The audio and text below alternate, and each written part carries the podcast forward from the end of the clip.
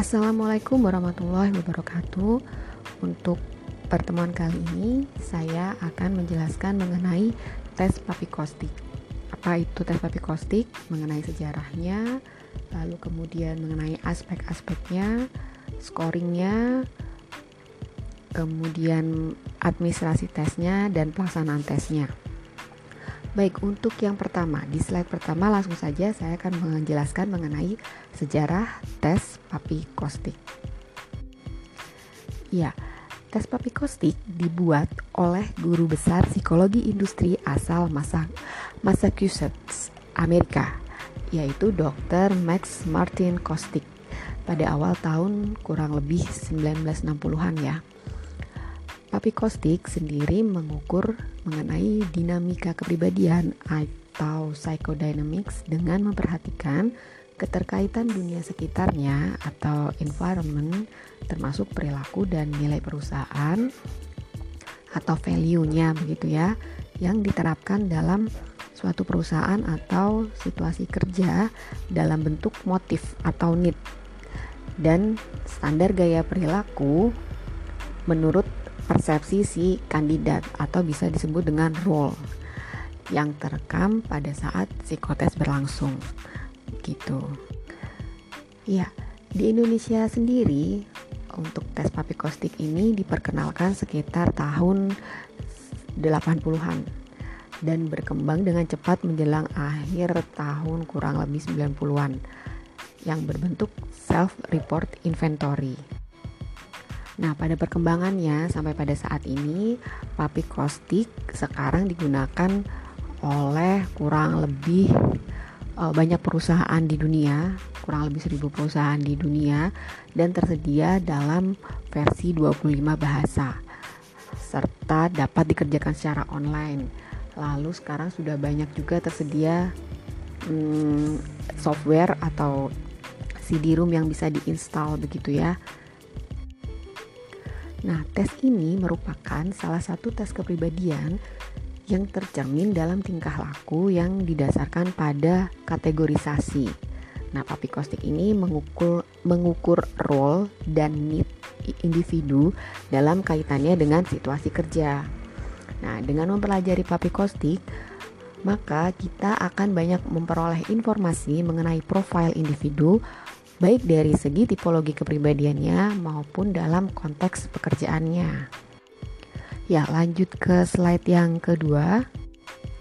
Nah, jadi secara singkatnya nih, papikostik itu merupakan laporan inventory kepribadian atau self-report inventory yang terdiri atas 90 pasangan pernyataan pendek berhubungan dalam situasi kerja yang menyangkut 20 aspek kepribadian yang dikelompokkan dalam tujuh bidang yaitu ada kepemimpinan atau leadership, arah kerja atau work direction, aktivitas kerja atau activity, relasi sosial atau social nature, gaya bekerja atau work style, sifat temperamen atau temperamen, dan posisi atasan dengan bawahan atau yang disebut followership. Untuk kemudian Tes papikostik ini pada dasarnya tersusun menjadi dua aspek yang terpisah, yaitu pengu mengenai pengukuran kebutuhan atau needs dan pengukuran persepsi atau roles. Nah, apa yang dimaksud dengan pengukuran persepsi atau roles? Maksudnya di sini yaitu persepsi keadaan si individu ketika di tempat kerja. Baik, untuk yang slide ketiga, di situ saya berikan contoh lembar jawab papikostik. Kurang lebihnya bentuknya seperti itu. Uh, itu yang dari lab ya. Begitu, jadi ada um, anak panah-anak panah, di mana untuk anak panah yang mendatar itu diasumsikan sebagai jawaban yang A dan an anak panah yang mengarah diagonal itu diasumsikan sebagai jawaban yang B. Nah, apa maksudnya nanti saya terangkan di slide berikutnya. Untuk slide yang kelima, lalu kita akan berbicara mengenai aspek dalam tes papikostik. Di sini ada tujuh aspek dalam papikostik seperti yang saya jelaskan sebelumnya. Ya, langsung lanjut ke slide yang keenam. Ya, terdapat enam uh, maaf, terdapat tujuh aspek dalam papikostik. Yang pertama ada work direction, kedua leadership, tiga activities, keempat social nature, yang kelima work style, yang keenam temperamen, dan yang ketujuh followership. Nah, di work direction itu ada need to finish task. Itu ada huruf N di situ ya. Nah, huruf N ini terkait dengan um, huruf atau bagian bagian nomor uh, soal yang harus dijawab. Uh, maaf, bukan yang nomor soal, bagian kategorisasi yang terkait uh, nanti setelah individu atau testi menjawab soal pada tes papikosti gitu jadi misalkan nomor satu misalkan nomor satu jika jawaban yang diberikan kurang lebih banyaknya adalah huruf A atau di situ ditandai oleh uh, arah panah yang mendatar. Jika diurutkan berarti nanti jawaban mengarah ke huruf G. Begitu. Kurang lebihnya seperti itu.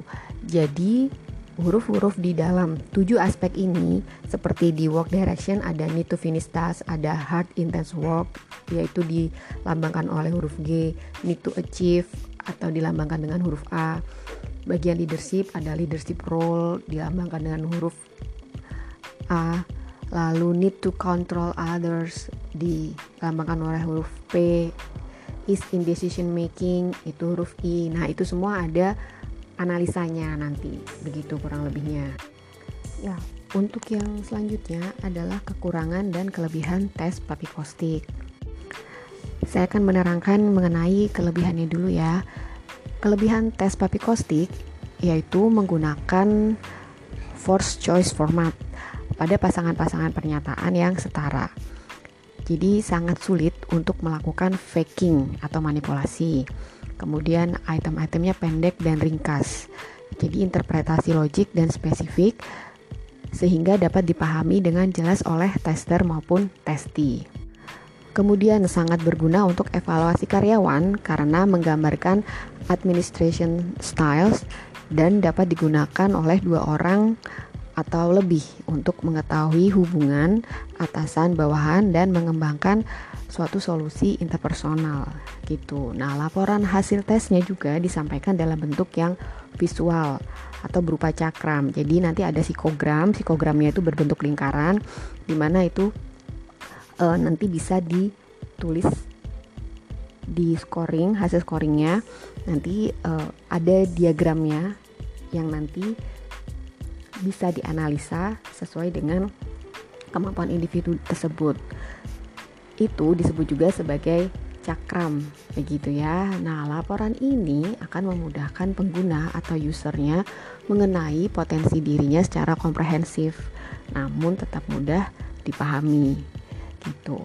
Hasil analisanya menghasilkan dinamika kepribadian seseorang yang telah dipengaruhi situasi kerja sekitarnya yang merupakan gambaran kepribadian keseluruhan dan tidak terpisah-pisah serta menjadi satu dinamika kepribadian yang utuh gitu ya. Nah, papikostik ini juga mengukur personality traits. Tes ini mengukur juga psychological needs. Untuk kemudian mengenai kekurangan tes papikostik.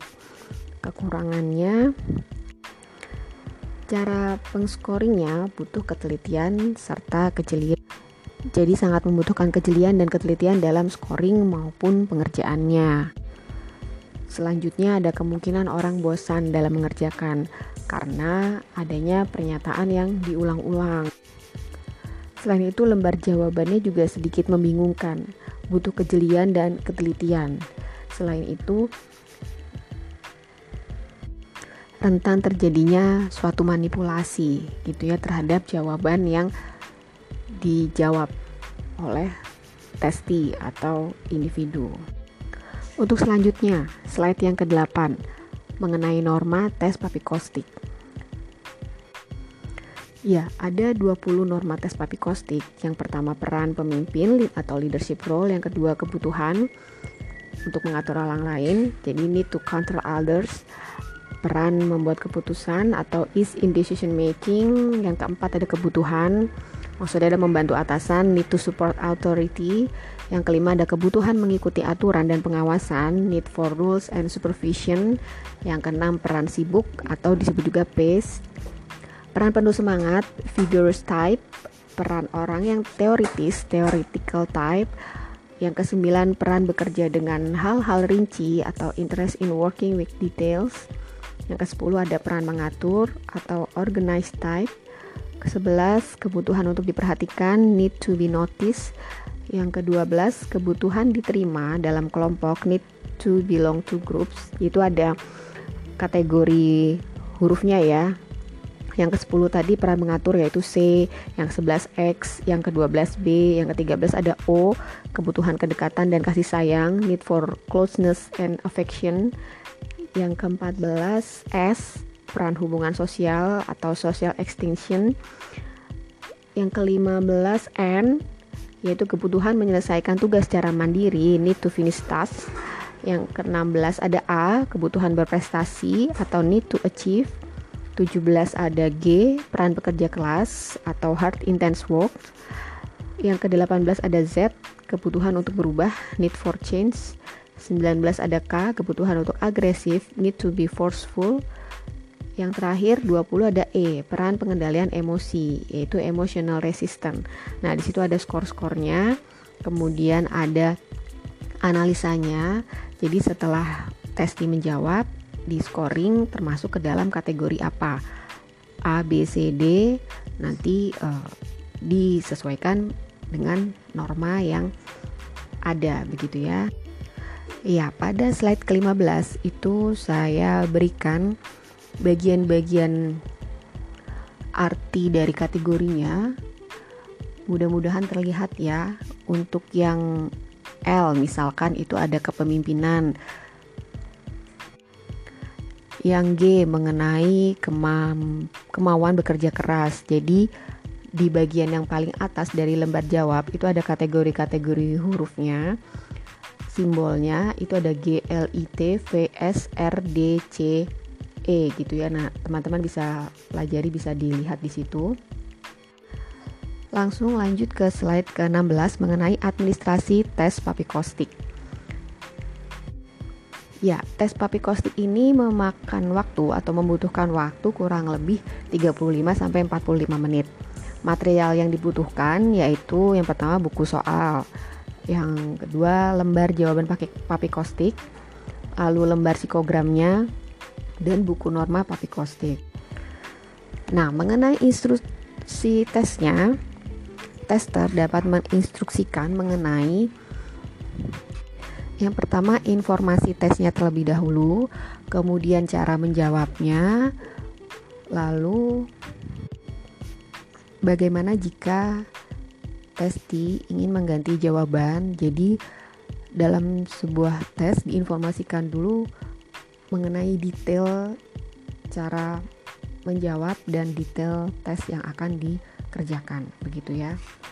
Baik, instruksi tesnya pada slide ke-17 untuk tes papikostik ini yaitu ada 90 pasang pernyataan. Pilihlah salah satu dari setiap pasangan pernyataan, bukan pertanyaan ya, pernyataan yang Anda anggap paling dekat menggambarkan diri Anda begitu atau diri saudara. Bila tidak satu pun dari sebuah pasangan pernyataan yang cocok, pilihlah yang saudara anggap benar. Gitu. Lalu lingkarilah tanda panah. Jadi dijawab dengan cara melingkari pada setiap pernyataan yang saudara pilih pada lembar jawaban yang tersedia. Contoh pertanyaannya, uh, maaf, contoh pernyataannya ada dua, ada kategori A dan B. Contohnya, yang A, saya adalah pekerja keras. B, saya tidak mudah murung. Nah, dalam hal ini Anda diminta untuk melingkari anak panah A. Anak panah A itu yang horizontal gitu ya. Karena pernyataan A merupakan gambaran diri Anda gitu. Namun, jika pernyataan B, pernyataan B itu yang diagonal yang mengarah ke atas, lebih sesuai dengan diri Anda, maka lingkarilah tanda anak panah pada pernyataan B. Begitu. Jadi asumsinya anak panah yang berada di atas di setiap nomor soal atau yang horizontal itu adalah yang A dan anak panah di bawah nomor soal atau yang diagonal itu adalah sebagai B gitu. Lalu kerjakanlah secepat mungkin dan pilihlah hanya satu pernyataan dari tiap pasang. Nah, ini agak agak memerlukan kejelian dan ketelitian karena kita harus melingkari anak panah tersebut jangan sampai satu nomor dijawab dua jawaban gitu ya. Nah, mengenai pelaksanaan tesnya. Tester pada mulai membagikan satu buku soal dan lembar jawaban pada testi. Kemudian testi meminta uh, maaf, kemudian tester meminta testi mengisi kolom identitas dulu semua pada saat awal tes yang dilakukan pertama kali adalah mengisi kolom identitas pada lembar yang tersedia gitu ya pada lembar jawaban. Kemudian tester memberikan instruksi tata cara pelaksanaan papikostik tesnya pada testi. Semuanya dijelaskan. Kemudian ditanyakan apakah ada pertanyaan karena dilarang untuk bertanya di tengah-tengah tes yang sedang berlangsung begitu ya. Lalu kemudian testi diberi kesempatan bertanya.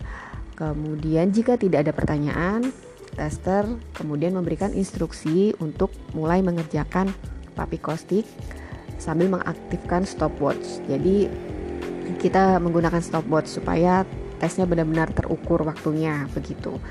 Setelah tes selesai, testi diminta mengecek kembali jawaban dan cara menjawabnya, apakah sudah benar atau belum. Nah, tester juga bisa memperagakan cara menjawabnya pada papan tulis gitu ya atau apa media yang bisa dilihat oleh tester untuk mengetahui cara menjawab dengan benar gitu. Kemudian selanjutnya slide ke-19 yaitu ada scoring papikostik. Nah, untuk scoringnya ini hati-hati, harus teliti, jangan tergesa-gesa karena kadang rancu anak panah mana yang dilingkari oleh oleh testi. Gitu ya. Jadi yang pertama, langkah pertama adalah menghitung skor peran, yaitu dengan menjumlahkan anak panah yang dilingkari baik yang horizontal maupun vertikal sesuai dengan arah tanda panah. Skor peran itu Ya, skor peran itu skor yang ada di atas. Maksudnya gini, itu di lembar jawab angka-angkanya itu kan terbagi jadi diagonal begitu ya. Ada itu kan bentuknya kalau dilihat menjadi persegi, kemudian dibagi dibagi dua jadi diagonal.